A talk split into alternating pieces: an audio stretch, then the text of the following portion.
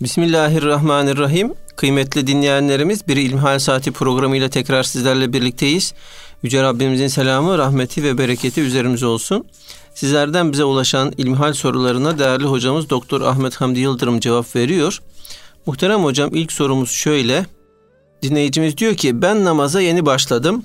İnşallah da devam edeceğim. Fakat ben inşaat işçisiyim. Üstüm başım alçı boya harç içinde oluyor. Öğlen ve ikindiyi bu şekilde kılmak içimden gelmiyor. Üstüm başım pis olduğu için. Sabah, akşam ve yatsıyı evimde vaktinde kılabiliyorum. Bazen akşam namazına da yetişemiyorum. Fakat yatsıdan sonra öğle ikindiyi e, kaza ediyorum. Bu durum canımı sıkıyor tabii ki. Fakat merak ettiğim namazım geçerli olur mu? Bu konuyla ilgili ne yapabilirim diye soruyor efendim. Elhamdülillahi Rabbil Alemin ve salatu ve selamu ala Resulina Muhammedin ve ala alihi ve sahbihi ecmain. Cenab-ı Allah'a hamdü senalar olsun ki bizleri Müslüman olarak yaratmış, bir bedel ödemeden ümmeti Muhammed'den kılmış, en hayırlı ümmetin bir ferdi bizleri yapmış. Büyük nimetler içerisindeyiz. Rabbul Alemin'in bize lütfetmiş olduğu sayması mümkün olmayan nimetlerle karşı karşıyayız. Cenab-ı Allah bütün bu nimetlerine karşı bizleri yarattığı, var ettiği, terbiye ettiği, beslediği bir insan suretinde halk ettiği için bizden ona kulluk yapmamızı bekliyor. Ben diyor insanları ve cinleri sadece ve sadece bana kulluk yapmaları, ibadet etmeleri için yarattım diyor. Dolayısıyla bizim asli vazifemiz, ilk işimiz, efendim, yaratılış gayemiz olan Allah'a kulluktur. Allah'a kulluktan arta kalan zamanlarımızda yine Allah'a kulluğu gerçekleştirebilme imkanına sahip olmak için çalışırız. Biz bir işte çalışıyorsak, efendim çoluğumuzun çocuğumuzun nafakasını temin etmek için yoruluyorsak, ibadetlerimizi dünya endişesi, telaşı olmadan rahatça yapabilelim. Çoluğumuz, çocuğumuz da Cenab-ı Allah'a rahatça kulluk yapabilsin diyedir. Bu dünya hayatı bir imtihan. İşverenin de imtihanı var, işçinin de imtihanı var, efendim evindeki insanın da imtihanı var, sokaktaki insanın da imtihanı var. Herkese Hazreti Peygamber aleyhissalatü vesselam Efendimizin ifadesiyle ilk sorulacak şey namazdır. Namazını kıldın mı? Namazını düzgün, vaktinde, doğru dürüst eda ettin mi? Şimdi bunun diğerinde kalan meseleler teferruat meseleleridir. Binaenaleyh bu güzel kardeşimiz diyor ki ben diyor inşaatlarda çalışıyorum. Üstüm başım kir oluyor, pas oluyor, efendim alçı oluyor, boya oluyor, çamur oluyor vesaire filan. Şunu ifade edelim ki öncelikle onun o kıyafetle zor şartlarda kılmış olduğu namaz Allah katında evinde rahat rahat abdest alarak kıldığı namazdan kat ve kat daha faziletlidir, daha üstündür. Allah bize her an kulluk yapmamızı emretmiş. Günde beş vakit Cenab-ı Allah'a yönelmemizi bizden istiyor. Huzuruma gelin diyor. Allah'ın huzuruna çıkmak Allah'ın bize bahşettiği en büyük lütuftur. Efendim ben bu elbiselerle Allah'ın huzuruna nasıl çıkacağım ifadesi şeytanın bir kandırmacasıdır. Aynı şeytan cahiliye Araplarını da siz bu günah işlediğiniz elbiselerle Allah'ın huzuruna nasıl çıkacaksınız? Dolayısıyla Allah'ın huzuruna elbiselerinizi çıkartın öyle anadan doğma çıkın diye kandırmış ve insanlara Allah'ın evini böyle tavaf etmelerini emretmişti. Dolayısıyla Cenab-ı Allah'ın bizden en memnun olduğu durumlardan bir tanesi de helalinden rızık temin etmek için alın teri dökmemizdir. Böyle bir durumda bile namazını bırakmaması bir insanın, vaktine riayet etmesi, vaktinde kılmaya gayret etmesi, iki Allah'ın sevdiği şeyin toplanması anlamına gelir ki bu ibadetin dünyada bir karşılığı yoktur. Onun için bu kardeşimize bizim tavsiyemiz kesinlikle namazından taviz vermesin. ücretinden taviz verebilir. E kardeşim herkes gündelik 300 lira alıyor. Bana 250 lira verin ama benim namazıma karışmayın arkadaş. Diyebilir. Ha işverenin 250 lira, 300 lira, 350 lira vermesi onun Müslümanlığıyla alakalı bir meseledir. Bazen zanne, zenginlerimiz zannediyorlar ki Allah onları özel seçmiş de zengin etmiş. Parayı onlara vermiş, iş imkanını onlara vermiş, aklı onlara vermiş, yatırım yapıyorlar, işçi istihdam ediyorlar, efendim iş gücü oluşturuyorlar. Kendilerini Allah'ın seçilmiş kulu olduğunu düşünüyorlar. Öyle bir şey yok. Öyle bir şey asla söz konusu değil. Bu bir imtihandır. Parası olan da imtihandadır, parası olmayan da imtihandadır. Hele de bugünlerde insanlar ciddi ekonomik sıkıntılar çekiyorlar. Sabah markete gidiyor, birkaç tane şeyi almayayım, öğleden sonra gideyim dese bakıyor ki marketteki fiyatlar değişmiş. Bu psikolojik bir harp. Dolayısıyla insanların moralleri bozuluyor. Efendim diyor ben aldığım 4-5 bin lirayla asgari ücretle nasıl geçineceğim, çoluğumu çocuğumu nasıl e, doyuracağım endişesini taşıyor. Bu dönemde birbirimize destek olmamız lazım. Ama unutmamak gerekiyor ki insana en büyük destek kendisidir. İnsan kendi öz gücünden güç almalıdır. Bu da bir kişinin büyük bir idealle donanmış olmasına bağlıdır. Eğer bir insan evrenin, kainatın, bütün her şeyin var olan galaksiden, efendim küreden zerreye her şeyin kendisi için var olduğunu, kendisinin de Allah'a kul olmak için var edildiğinin bilincinde olursa o zaman bu büyük idealle her türlü zorluğun üstesinden gelebilecek bir kuvve-i maneviyeye, bir morale sahip olmuş olur. Ama namazı terk ederse adam, üç kuruş dünya için namazı terk ederse, efendim kariyer için namazı terk ederse, efendim şimdi namazlı niyazlı hacı hoca diyecekler, benim efendim bu iş yerindeki itibarım dünyalık olarak zedelenecek gibi böyle şeytani bir vesvesenin içine düşerse, Allah muhafaza eylesin, hem dünyası hem de ahireti heba olmuş olur. Bu yönüyle özellikle de bu tür efendim kirpasla iş gören kardeşlerimize fıkhımızda da ekstra kolaylaştırıcı şeyler vardır. Yani mesela sizin elinizde abdest alacağınız suyun değmesi gereken azalarınızda ufacık bir suyun geçmesine mani kir olsa, pas olsa, efendim yağ olsa, boya olsa abdestiniz olmaz ama bu tür kardeşlerimizin abdesti olur. Niye? Umumu belva dediğimiz onların bu tür şeylerden korunmaları mümkün değil. Çok zor. Her defasında abdest alacaklar ve her abdeste de böyle yoğun bir çaba sarf edecekler. Bunu düşündüğümüzde dinimiz onlara kolaylık lütfeylemiş. Hangi elbiseyle çalışıyorsa o elbiseyle namazını kılar. Efendim hangi şartlarda mümkün oluyorsa o şartlarda namazını kılar. Binaenaleyh inşaatta çalışan, her türlü tehlikeli işi yapan bilen bir kimse namaza sıra geldiğinde namaz zaten bir dinlenme fırsatı bizlere lütfediyor, sunuyor. Namazdan bizi ayıracak olan her şeyle aramıza mesafe koymak durumundayız. Binaenaleyh ben namaz kılamıyorum, ben yapamıyorum türünden eğer bir e, durum söz konusu ise o zaman bizim o çalıştığımız ortamı, yeri, işi değiştirme sorumluluğumuz oluşmuş demektir.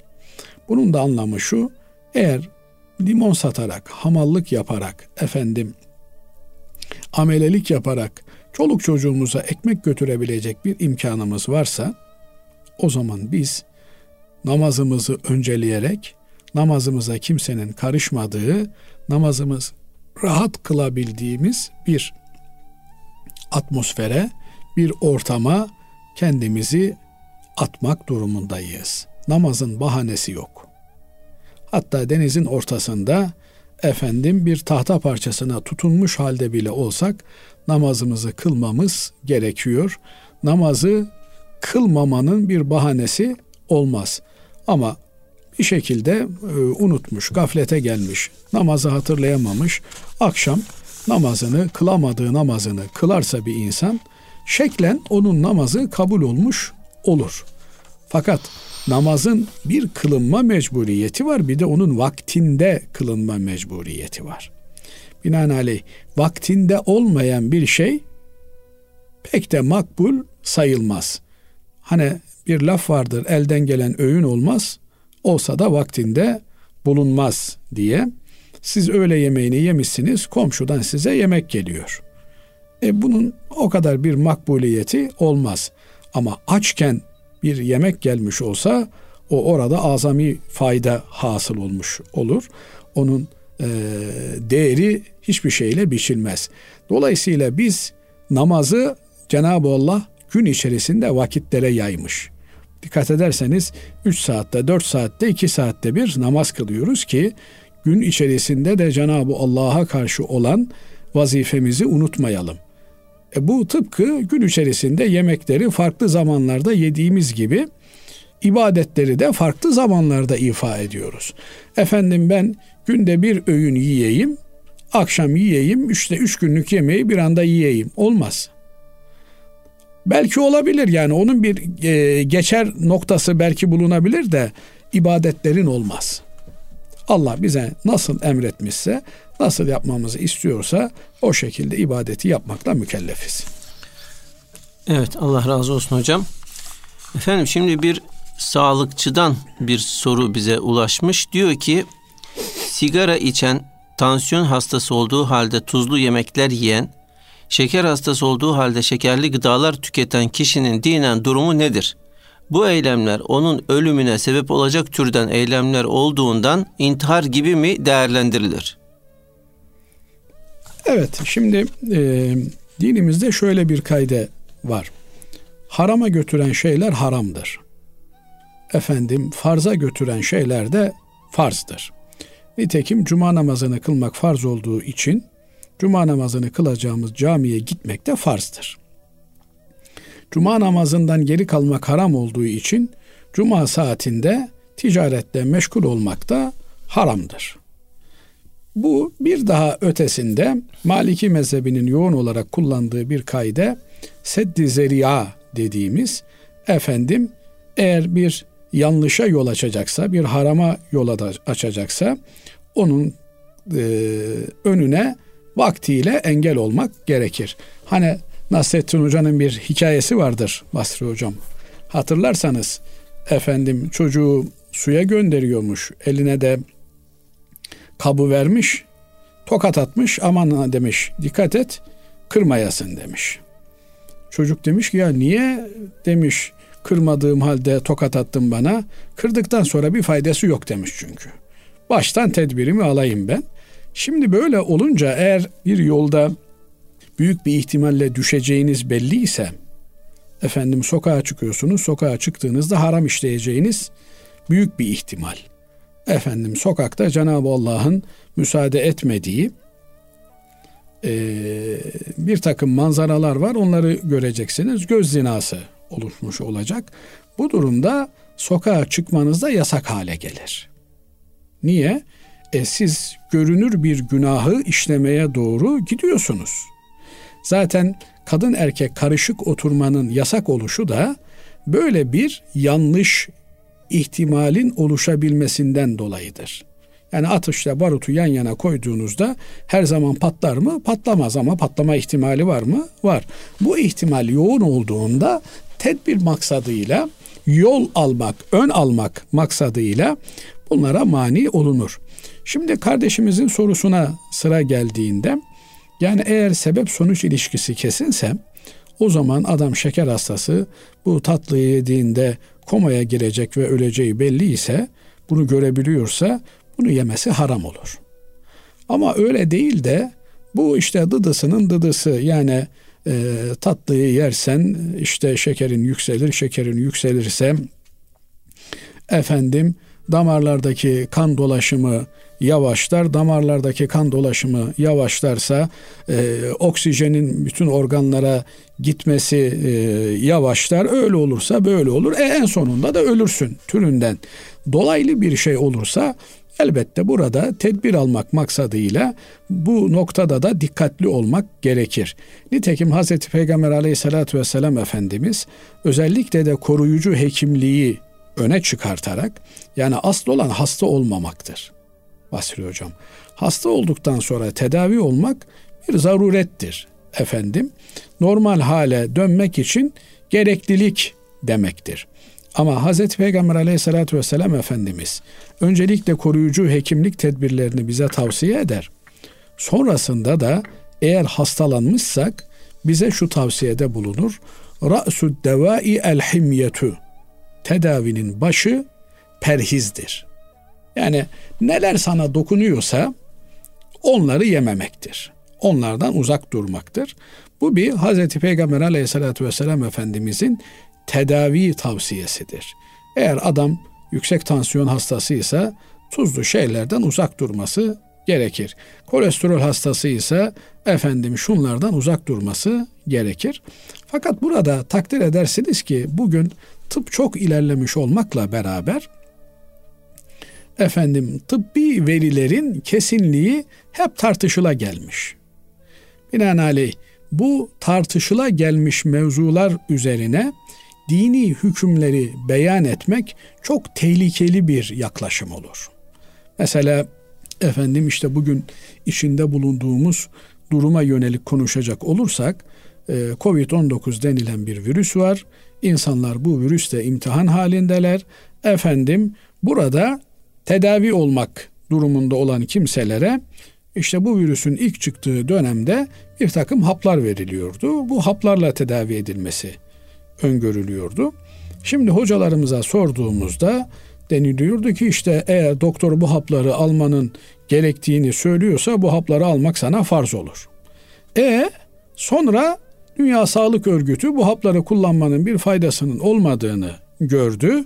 E şimdi o hapları almak farz değil. Aksine artık haram.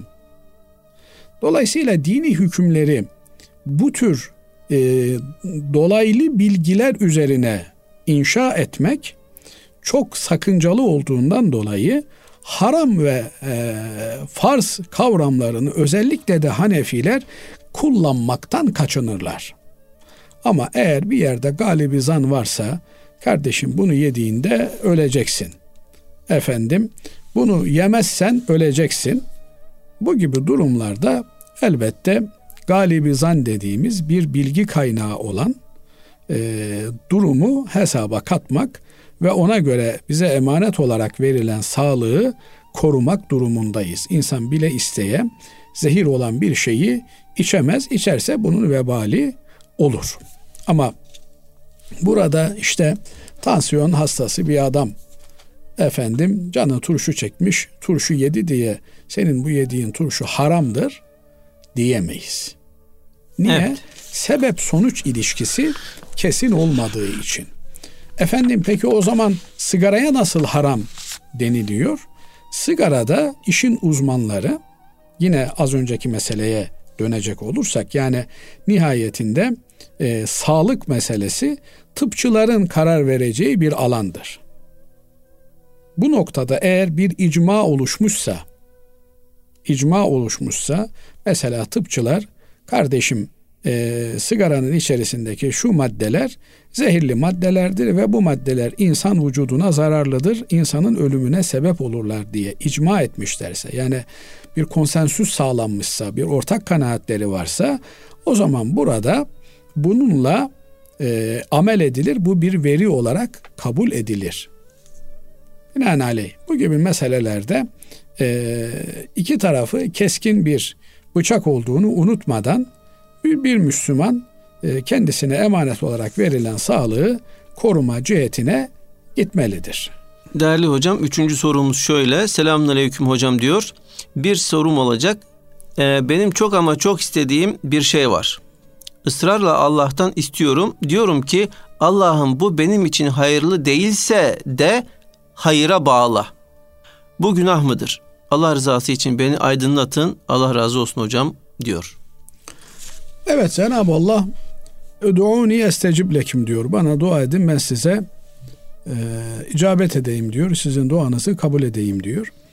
Burada bir şey haram değilse yani haram olan bir şeyi talep ediyor değilse bir kimse burada istemenin sınırı yoktur.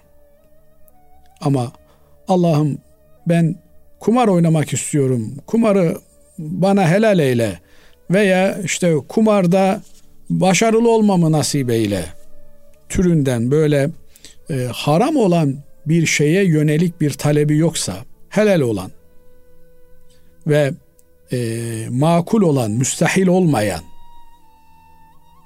bir şey talep ediyorsa bu talebin bir sınırı yoktur.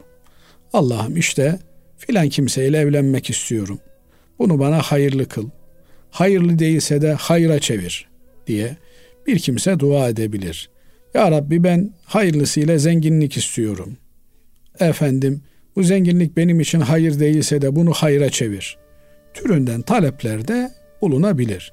Bir insanın Cenab-ı Allah'a dua edebilmesi, ediyor olması aslında onun duasının kabul edildiğinin en büyük göstergesidir.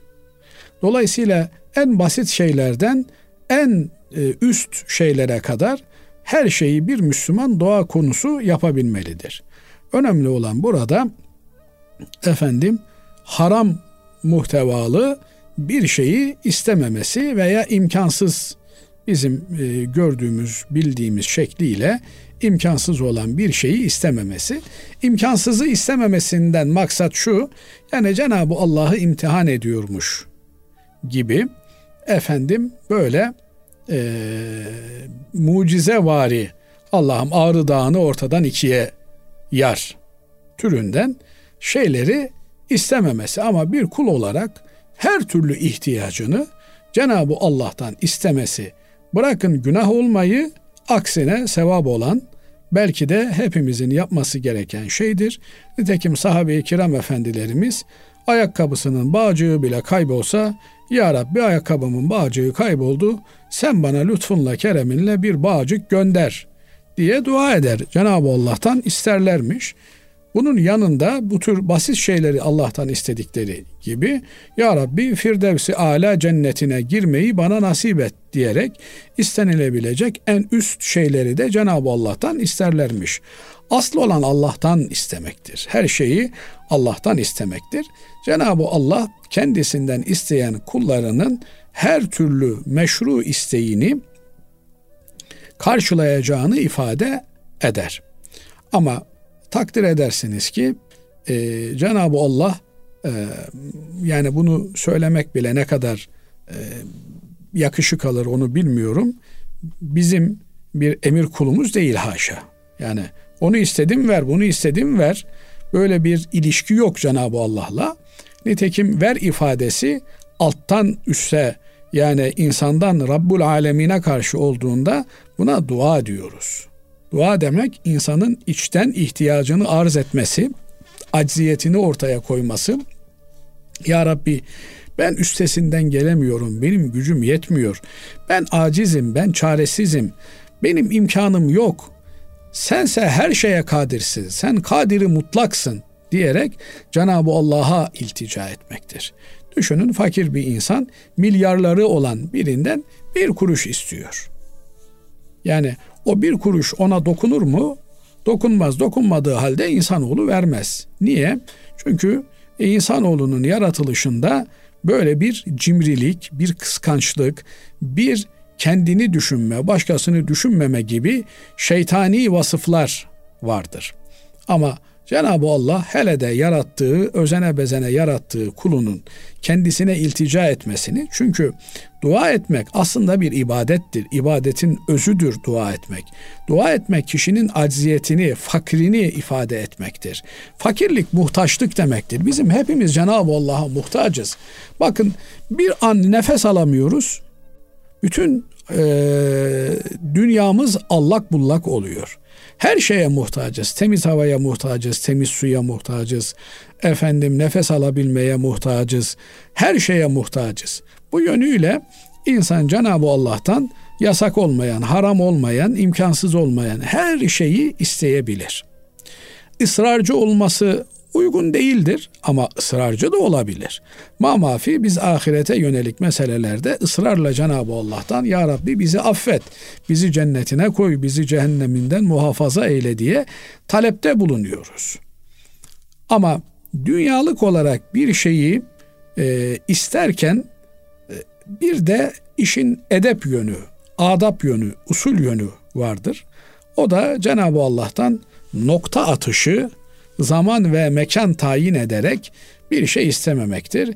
Ya Rabbi işte filanla Bursa'da şu tarihte evlenmek istiyorum diye böyle e, açık davetiye den ziyade adrese teslim bir talepte bulunmak doğru değil. Niye?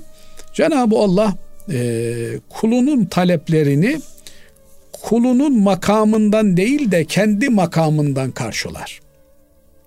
Ne demek bu? Yani sen 3 e, lira istiyorsundur.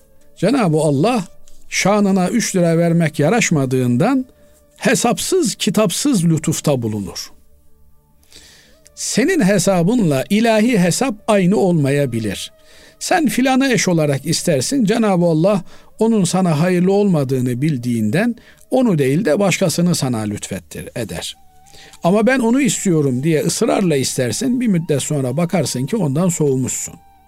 Çünkü Cenab-ı Allah kadiri mutlaktır. Onun için ya Rabbi ne verirsen hayırlısını ver diye istemek lazım. Ya Rabbi bu sene hacca beni gönder diye de zaman tayin ederek istemek doğru değil. Ya Rabbi hac etmeyi bana lütfeyle diye. Çünkü e, insan doğasında olan bir şeydir. Sahabe-i kiram efendilerimiz bile Hazreti Peygamber aleyhissalatu vesselam Efendimiz kendilerine ben e, Mekke'nin Mekke'nin fetholunacağını gördüm dediğinde o sene Mekke fetholunmadığından e, rahatsız olmuşlar. Ya Resulallah hani Mekke fetholunacaktı diye itirazda bulunmuşlar. Efendimiz Aleyhisselatü Vesselam biraz da kızarak ben bu sene mi olacak dedim. Dolayısıyla insan oğlu zamanlı ve mekanlı olan şeylerde bir beklenti içerisine girer ki bu beklenti Cenab-ı Allah'a karşı olan acizliğimizi zedeler. Yani bir alacaklı değiliz Cenab-ı Allah'tan. Alacaklı olmadığımız için o lütfuyla, keremiyle ihsan edecektir. Bu noktayı kaçırmadan istemek lazım. Allahu alem. Allah razı olsun hocam. Teşekkür ederiz. Kıymetli dinleyenlerimiz şimdi kısa bir araya gidiyoruz. Aradan sonra kaldığımız yerden devam edeceğiz.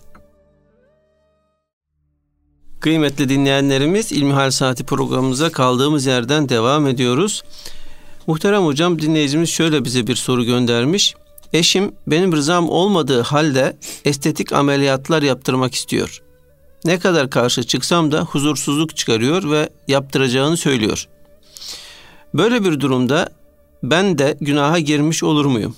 Oluşacak masrafları da benim karşılamam gerek. Evde huzurumuz kalmadı, çocuklarım var, katlanıyorum. Bazı hocalar bu durumda benim sorumlu olmayacağımı söyledi. Selam ve saygılarımı sunuyorum diyor. Evet. Aleyküm selam diyelim önce hocam. Kardeşimiz selamını sunduğu için. Şimdi estetik ameliyat meselesi Cenab-ı Allah insanı en güzel şekilde yarattığını fi ahseni takvim en güzel surette yarattığını ifade ediyor. Fakat insan çevresinden çok çabuk etkilenen bile, bile bilen bir varlık. Dolayısıyla zaman içerisinde kendi kendini küçük görme, basit görme türünden kendini beğenmeme, kendi güzelliğini yetersiz görme türünden psikolojik açmazlara girebiliyor. Bu noktada işin bir psikolojik boyutu olduğunu göz ardı etmemek gerekiyor. Bugün insanlar gerçekten daha çok algıyla yargılamada bulunuyorlar. Kimse olayın gerçek yüzünü vesairesini araştırma ihtiyacı bile hissetmiyor. Algı neyse onun üzerinden bir hükümde bulunuyor, bir yargı veriyor. Şimdi burada kardeşimizin hakikaten bir estetik operasyona ihtiyacının olup olmadığını bilemiyoruz. Nedir estetik operasyona ihtiyacının olması? Eğer Cenab-ı Allah'ın yarattığı 100 insandan 70 tanesinde 80 tanesinde olmayan bir durum söz konusu ise o zaman burada bir e, anormallik, fıtrat dışı bir durum söz konusudur. E, Cenab-ı Allah öyle yarattı diye bu e, kabullenilmesi gereken bir durum anlamına gelmiyor. Cenab-ı Allah bazen bizi eksik yaratır, bazen e, hasta yaratır, bazen kötürüm yaratır. Burada farklı farklı tecelliler, farklı farklı imtihanlar vardır. Efendim e, damaksız yaratmıştır birini. Ameliyatla damağı e, ona tekrar kazandırılabilir. Efendim beş parmaklı olması gerekirken altı parmaklı yaratmıştır. Bir parmak operasyonla alınabilir. Efendim bazen işte böyle siyam ikizler görüyoruz. Karından bitişik, kafadan bitişik. Cenab-ı Allah farklı hikmetlerle hikmetini bazılarının tahmin edebileceğimiz, bazılarını bilemeyeceğimiz nice hikmetlere binaen bu tür e, imtihanlarla bizi imtihan edebilir. Bu imtihanlarda bir yönüyle imtihanımız da bu e, göreceli olarak benzerlerinden farklı yaratılmış olan kimselerin e, ihtiyaçlarını gidermek, ameliyatla onları normal bir yaratılışa e, çekebilme imkanımız varsa bunları çekmek vesaire. Bu tür yapılan estetik ameliyatlar bırakın e, yapalım mı yapmayalım mı noktasını belki yapılması gereken yapılmazsa olmaz olan ameliyatlardır.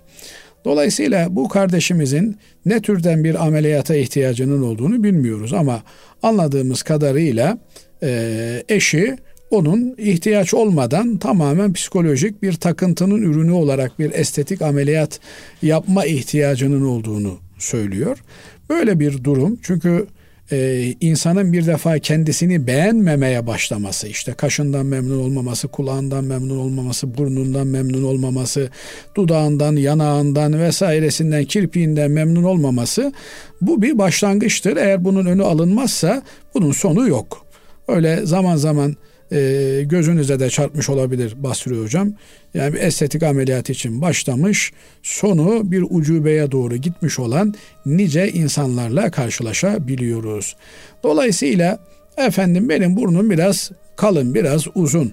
Bu e, bir göreceli farkındalık oluşturmuyorsa bununla memnun olarak yaşamayı insanın öğrenmesi lazım. İşte mesela benim şurada e, bir et beni var göz kapağımın üstünde. E, niye aldırmıyorsun diyorlar. Beni rahatsız etmiyor diyorum. Yani ben görmüyorum çünkü aynaya bakarsam görüyorum. Dolayısıyla e, rahatsızlık vermiyorsa bir şeyi e, evet bu bir fazlalık aldırılabilir mi? Aldırılabilir. Yani belki fırsatını bulsam ben de aldıracağım. E, ama bazı şeyler insanın imtihanı haline gelebiliyor. İşte geçen karnında çıkan bir çıbanı patlatmış. Delikanlının bir tanesi felç olmuş. Yani tekerlekli sandalyeye mahkum hale gelmiş. Bazı şeylere razı olabilmek gerekiyor. Yani şu anda yaşadığımız çağda insanlar her arzu ettiklerini elde etmek istiyorlar. Bakıyorsunuz hoşuna gitmemiş. Efendim ben filan artiste benzeyeyim diyor. Filan aktriste benzeyeyim diyor. Böylelikle kendiyle ilgili problemlerin yolunu açıyor. Bu gibi durumlarda ne yapmak lazım? Mutlak surette e, bu insanlara kaliteli yardımlar alabilecekleri imkanları hazırlamak lazım e, psikoterapistlere götürmek lazım. Efendim sözünü dinleyeceği insanlarla oturup kaldırmak lazım. Olmadı. Bu bir psikolojik takıntı haline geldi. O zaman asgari zararla bunu atlatabilmenin yoluna bakmak lazım. Nedir o? Efendim şer'i olarak e, bir takım mahzurları bertaraf etmeye çalışmak lazım. İnsan bir ihtiyaç varsa, bir zaruret varsa efendim doktora görünebilir ama eğer böyle bir zaruret yoksa tamamen estetik kaygılarla ve estetik kaygıların da sağlam bir gerekçesi olmadan e, mahrem olan bölgelerini yabancı bir doktora göstermesi asla caiz olmaz. Bu noktada eğer kadınsa söz konusu kimse kadın doktorların yapabileceği efendim bakabileceği e, bölgelerde bir takım estetik ameliyatlarını e, yaptırtabilir bu kardeşimiz. Çünkü ortada bir psikolojik travma oluşmuş demektir. Bu travmanın neticesinde de ya bu insanlar ayrılacaklar e, ya da efendim e, bu duruma eşlerden bir tanesi katlanma durumunda kalacak. Eğer e, ortada çocuklar var ve bu çocukların yetişmesiyle ilgili, bakımı ile ilgili kardeşimizin bir tereddütü varsa o zaman elbette o çocukların hatırına aile müessesesini korumaya, kurtarmaya gayret etmeli. Fakat unutmamak gerekiyor ki eğer bu bir tedavi ile bitirilmezse bunun sonu gelmez. Bugün burnundan memnun olmayan yarın ayak baş parmağından memnun olmaz. Dolayısıyla sonu gelmeyen bir e, girdabın içerisine girmiş olur. Allah muhafaza eylesin. Dua ederiz ki Cenab-ı Allah bu tür lüzumsuz şeyleri gönlümüzden, kafamızdan, zihnimizden çıkartsın. Evet. Değerli hocam, e, diğer bir sorumuz şöyle. E, aslında e, bu dinleyicimiz çok uzun bir soru göndermiş fakat biraz maksadı ifade edecek şekilde ben kısalttım. 4 yaşa kadar erkek kız bebek giyim mağazası açmak caiz mi ve dükkan açarken alım satım yaparken nelere dikkat edilmeli? Örneğin kız bebe için tayt satmak caiz midir? Hangi kıyafetleri satmak caiz olmaz? Mağazanın herhangi bir yerinde bebe resimleri, fotoğrafları olsa bu caiz olur mu? Bu meleklerin girmesine engel midir diye e, kısaca ben özetledim hocam. Evet, öncelikle şunu ifade edelim ki e, insan çocukluktan itibaren e, bir ehliyet ile donanmış oluyor. Ama e, temiz çağına kadar yani çocuklar e, 8, 9, 10 yaşına gelinceye kadar masum dediğimiz tamamen günahsız varlıklardır. Dolayısıyla onlar bir sorumluluk yüklenmezler. Fakat onların sorumluluk yüklenmiyor olmaları e, onların velilerine, vasilerine bir sorumluluk yüklenmediği anlamına gelmiyor. E, hayat bir maraton ve bu maratonda son nefesi imanla verebilmek önemli. Son nefesi imanla verebilmek için de hazırlığımızı ona göre yapmamız gerekiyor. Evet, çocukların özellikle de gelişim çağlarında onların öğrenimleri oyun üzerinden olduğundan, nesneler üzerinden olduğundan eğitici maksatla onların e, resimlerle, efendim bu tür oyuncaklarla büyümesinde bir sakınca yoktur. Çünkü hem e, bir kız çocuğunun hem de bir erkek çocuğunun e, kız psikolojisinde ve erkek psikolojisinde büyümesi, yetişmesi biraz da oynadığı oyunlarla, giydiği elbiselerle şekillenmektedir. Bu yönüyle özellikle de çocuklara hizmet edecek olan efendim e, oyuncak üreticilerinin veya işte elbise kıyafet üreticilerinin bu noktayı gözden kaçırmamaları gerekir. Ee, ürettikleri nesnelerde Birinci olarak dikkat etmeleri gereken şey çocukların cinsiyetlerine uygun üretim yapmalarıdır. Yani kız çocuklarının e, kız cinsiyeti neyi gerektiriyorsa ona göre üretim yapmalarıdır. Efendim etekli, fistanlı, başörtülü, çocukları imrendirecek, özendirecek, anneleri gibi olmalarını efendim onlara sevdirecek kıyafetleri tasarlamalı ve onları üretmeleri gerekiyor. Ama maalesef bizim özellikle de ticaret erbabı dediğimiz parayı bulduktan sonra efendim ilk yaptıkları iş muhit değiştirmek olan bir takım kimseler paranın dini imanı yoktur diyerek parayı şeytanın hizmetinde kullanabiliyorlar. Bakıyorsunuz Müslüman adam e, gavur markalarını üretiyor. Efendim bir Müslümana yakışmayacak giyim tarzını pazarlıyor, üretiyor. Ondan sonra da hayır hasanat yaptığını, cami yaptığını, Kur'an kursu yaptığını, imam hatip yaptığını, okul yaptığını düşünerek de kendisini cennetin baş köşesinde bir makama uygun görüyor. Oysa e, yani Allah... hocam şunu mu söylüyorsunuz? Yani bir Müslüman bir iş adamı e, mesela örnek veriyorum yani bir kısa etek üretip onu satamaz. Doğru mu anladım? Çok doğru anladınız. Tıpkı eroin üretip satamadığı gibi. Tıpkı kokain üretip satamadığı gibi niye eroini, kokaini çok para da getirse devlet yasaklıyor. Bunun cezası var, şuyu var, buyu var. Efendim ben içmiyorum. Benim çoluğum çocuğum da içmiyor. Ben çok dikkatliyim. Ben beyaz un bile yemiyorum. Ama ticaret yapıyorum yani bunda ne var insanlar talep ediyorlar. Ben de eroin satıyorum diyemeyeceği gibi bir kimsenin bir Müslümanda e, kadınların dışarıda giymesi uygun olmayan dış kıyafetlerini üretirken kendi nefsine bir sormalı. Bu kıyafeti bu kıyafeti ben çoluğuma çocuğuma giydirebilir miyim? Bu kıyafeti dışarıda giymiş olan birine ben bakabilir miyim? Böyle dışarıda gezmeye Allah müsaade ediyor mu? Buna bakmalı. Bir insan bunun hesabını, kitabını yapmalı. Niye? Çünkü Allah bunun hesabını soracak. Toplum böyle ifsad ediliyor. Hem de bizim elimizle ifsad ediliyor. Yoksa yani e, adam Gavuristan'dan gelip de burada kıyafet satmıyor bizim insanlarımıza, gençlerimize, erkeklerimize, kızlarımıza. Bir bakıyorsunuz kıyafetlerin üzerinde bin bir türlü laflar var. Laflar yenilir yutulur laflar değil. İngilizce yazıyor. E İngilizce yazınca bizim memlekette bir hastalık vardır. Memlekette e, yerel lehçe konuşulur, yerel dil kullanılır. O dille istediğin küfrü yapabilirsin. Ama Türkçe yaptın mı günah olur. Kardeşim bu küfür Türkçe'de de küfürdür, Arapça'da da küfürdür, Yunanca'da da küfürdür. Yani sen bunun dilini değiştirince bu sayıp sövmek küfür olmaktan çıkmıyor ki. Dolayısıyla özellikle de bir Müslümanın bir Müslüman duruşunun olması gerekir.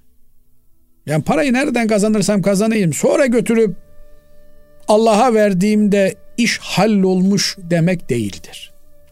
Parayı kazanacağımız yerde İslami esaslara uygun olmalıdır. Efendim ben mesela heykel yapıp satabilir miyim? Satamazsın. Satamazsın. Bir Müslümansan satamazsın. Yapabilir miyim? Yapamazsın, üretemezsin. Peki hocam e, mesela e, resim yapıp resimler de buna giriyor mu? Mesela bu özellikle bu e, soruda işte dükkanı hani süslemek için işte bebe resimleri veyahut da ne bileyim hayvan Ama resimleri konabilir ya, mi diye soruyor. Çocuklarla ilgili, çocukların eğitimiyle ilgili, gelişimiyle ilgili 8 9 10 yaşına kadar çocuklara bu tür şeyler bunlar dükkanda pazarlama olarak da mümkündür ama bunun içerisinde de gidip işte pis hayvanın resimlerini koyamaz. Efendim ne bileyim bir maymunun bir şempazenin resmini koyması da uygun değil. Bir e, farenin bir bilmem neyin resmini koyması da uygun değil. Ne olabilir mesela? E, cennet hayvanları diye bir seri yapabilir. Kur'an'da geçen e, hayvanlar diye bir seri yapabilir. Ne bileyim hudhud kuşunu koyabilir. E, efendim e, Hayır hocam bu şeyi kastediyor. Yani e, vitrinlere böyle hani duvarlara süslemek için şey için böyle hani buralara diyor işte. Daha açık konuşayım. Pamuk Prenses resmini koyamaz. Evet. Koyacaksa efendim Şirin Sultan Hanım resmini koyar. Yani kendi kültürünü besleyen, kendi irfanını ortaya koyan, efendim e, Hame Ana figürünü çocuklara pazarlayabilir. Yoksa e, kardeşim ben satış yapıyorum, ticaret yapıyorum, ticarette her şey helaldir diye bir şey yok. Her yaptığımız, ettiğimiz şeyin hesabını vereceğiz. Bu hesabını verirken de özellikle de Bu yaptığımız, ettiğimiz şey Müslümanlığa mı katkı sağlıyor yoksa Müslüman dışı kültürlere mi katkı sağlıyor? Bunun hesabını yapmamız gerekiyor. Evet. Değerli hocam buna benzer soruları daha önce cevaplandırmıştınız fakat e, yine e, bir soru gelmiş. Diyor ki e, düşük fiyattan alıp düşük fiyattan altın alıp sonra özellikle aynı gün içinde veya başka bir zaman e, değerlenince satmak ve bundan kar elde etmek caiz midir? Şimdi e, altın ticareti yapmak helaldir. Gümüş ticareti yapmak helaldir.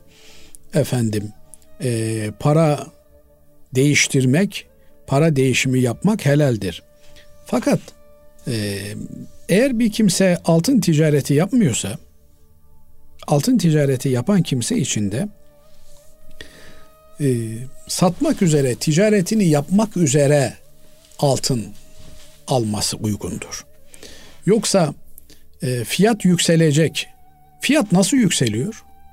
Sen ben toptan bir şeye hücum edersek fiyat yükseliyor. Yani normal e, şartlarda bazen e, tabi özel kırılma noktaları oluyor, psikolojik harp noktaları oluyor. Ama normal şartlarda eğer bir mala aşırı talep varsa ona mukabilde arz yoksa fiyat yükselir. Şimdi bu durumda ihtiyacı olmayan birinin talep etmesi caiz midir? İşte bu nokta önemli bir noktadır. Fırında üç tane ekmek var. Senin evinde de ekmek var. Ama yarın ekmeğim olmayacak diye bugünden o üç tane ekmekten birini almak için fiyatta fiyat teklifinde bulunman. Oysa diğer tarafta evinde ekmeği olmayan belki iki gündür ekmeği olmamış olan insanların o ekmeği alıp belki çoluk çocuğunun karnını doyurması söz konusu olacak. İşte bu noktada her insan kendi vicdanıyla baş başadır. Yani bu tür genel durumlarla ilgili bir insan karar verirken ben ülkedeki enflasyonu ne kadar tetikliyorum? Milyarda bir de olabilir bu. Nasıl olur? İhtiyacı olmayan şeyi almak istemesi bir kimsenin ülkedeki enflasyonu tetikler. Bu yönüyle her birimizin her birimizin bir defa bir israftan vazgeçmemiz gerekiyor. Yani insan e, bir haftada bir ceket değiştirir mi? Ne olur? Haftada bir ceket değiştirirsen aynı hızda da ceket üretilmezse o zaman fiyatı artar bunun. Binaenaleyh bir kimse eğer e, bir parası var, e, bu parayı e, yerel para biriminde sakladığında günden güne eriyor. İşte altın olarak saklamış. Tamam altın olarak tutuyor. Kimse bir şey diyemez ona. Niye kardeşim sen e, buz almadın, buz al erisin diye kimse bir iddiada bulunamaz. Ama sabah al değiştir, akşam bir daha değiştir. Böyle kumar oynar gibi şeyi takip ederek, e, alış satışı takip ederek bir riske girmek, bu hareketlilik bir nebze de olsa hani karınca kararınca hacca gidemem ama demiş o yolda ölürüm ya. Dolayısıyla insan az bile olsa hiç hesaya kardeşim ben 100 dolar almışım. Bunun esamisi okunmaz. İhtiyacın varsa al kardeşim. He, param var bekleyecek. Bu para bekledikçe de değer kaybediyor. Al koy kenara. Ama bugün alayım yarın satayım sonra bir daha alayım bir daha satayım türünden böyle bir e, alverin içerisine girmek eğer ihtiyaç değil de e, bunu bir ticarete evirmek anlamına geliyorsa e, o sıkıntılı, sakıncalı bir durumdur. Evet. Selamünaleyküm hocam diyor başka bir dinleyicimiz. Kişi eğer şunu yaparsam kafir olayım dese ve sonra o işi yapsa kafir olur mu? Ben Rusça öğrenirsem kafir olayım dedim. Bu sözü yemin kastıyla söylemedim. Amacım kendimi uzak tutmak, öğrenmemekti. Böyle bir şey söylediğim için çok pişman oldum, tövbe ettim. Şimdi öğrenirsem kafir olur muyum? Bununla İslam e, bunun İslam'da hükmü nedir diyor. Yani böyle bir yemini ederken kafir olur adam. Allah muhafaza etsin. Bu ama saçma bir şey ya. Yani iman basit bir şey mi? Yani ortaya konulabilecek bir şey mi? Bir Müslüman bu lafı etmez. Etmişse de istiğfar eder. Efendim bundan da uzak durur. Binaenaleyh bir Müslümanın sahip olduğu en değerli şey imanıdır. İman öyle e, pazarlık konusu yapılabilecek, şarta bağlanabilecek bir şey değildir. Bu kardeşimiz istiğfar etsin, kelimeyi şehadet getirsin. Bir daha da böyle abuk subuk lafları ağzına almasın. Allah razı olsun hocam. Teşekkür ederiz.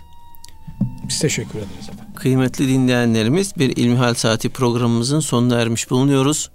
Efendim hepinizi Allah'a emanet ediyoruz. Hoşçakalın.